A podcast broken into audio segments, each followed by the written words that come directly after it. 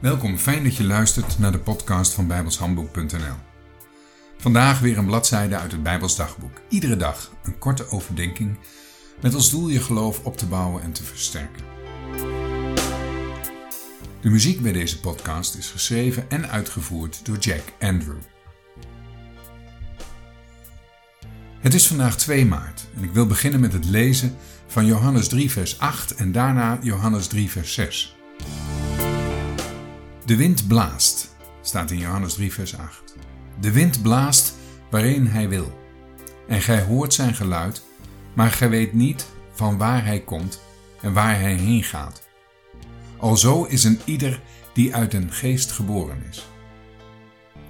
En Johannes 3, vers 6. Hetgeen uit het vlees geboren is, dat is vlees.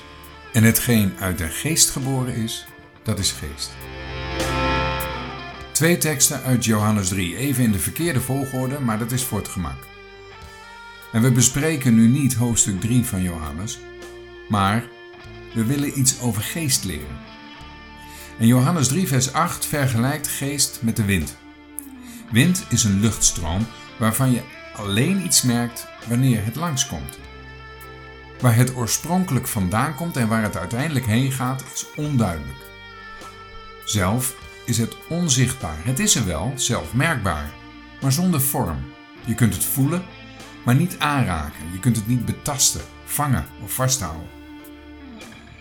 De eerste keer dat we iets over geest horen in de Bijbel is in Genesis 1, vers 2. Daar staat over de geest van God dat hij zweefde op of boven de wateren. Zweven of waaien is ongeveer hetzelfde. De geest is iets wat we niet kunnen grijpen of begrijpen.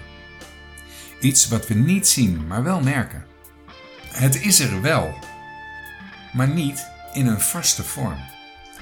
We kennen eigenlijk best veel onzichtbare stromen in de wereld om ons heen, of ook wel straling genoemd. Elektriciteit, microgolven van de magnetron, GSM. Dus zo vreemd is geest ook weer niet. Als we nu nog even naar de wind terugdenken, dan is er nog iets belangrijks om te noemen. Wind beweegt. Maar het brengt ook dingen in beweging.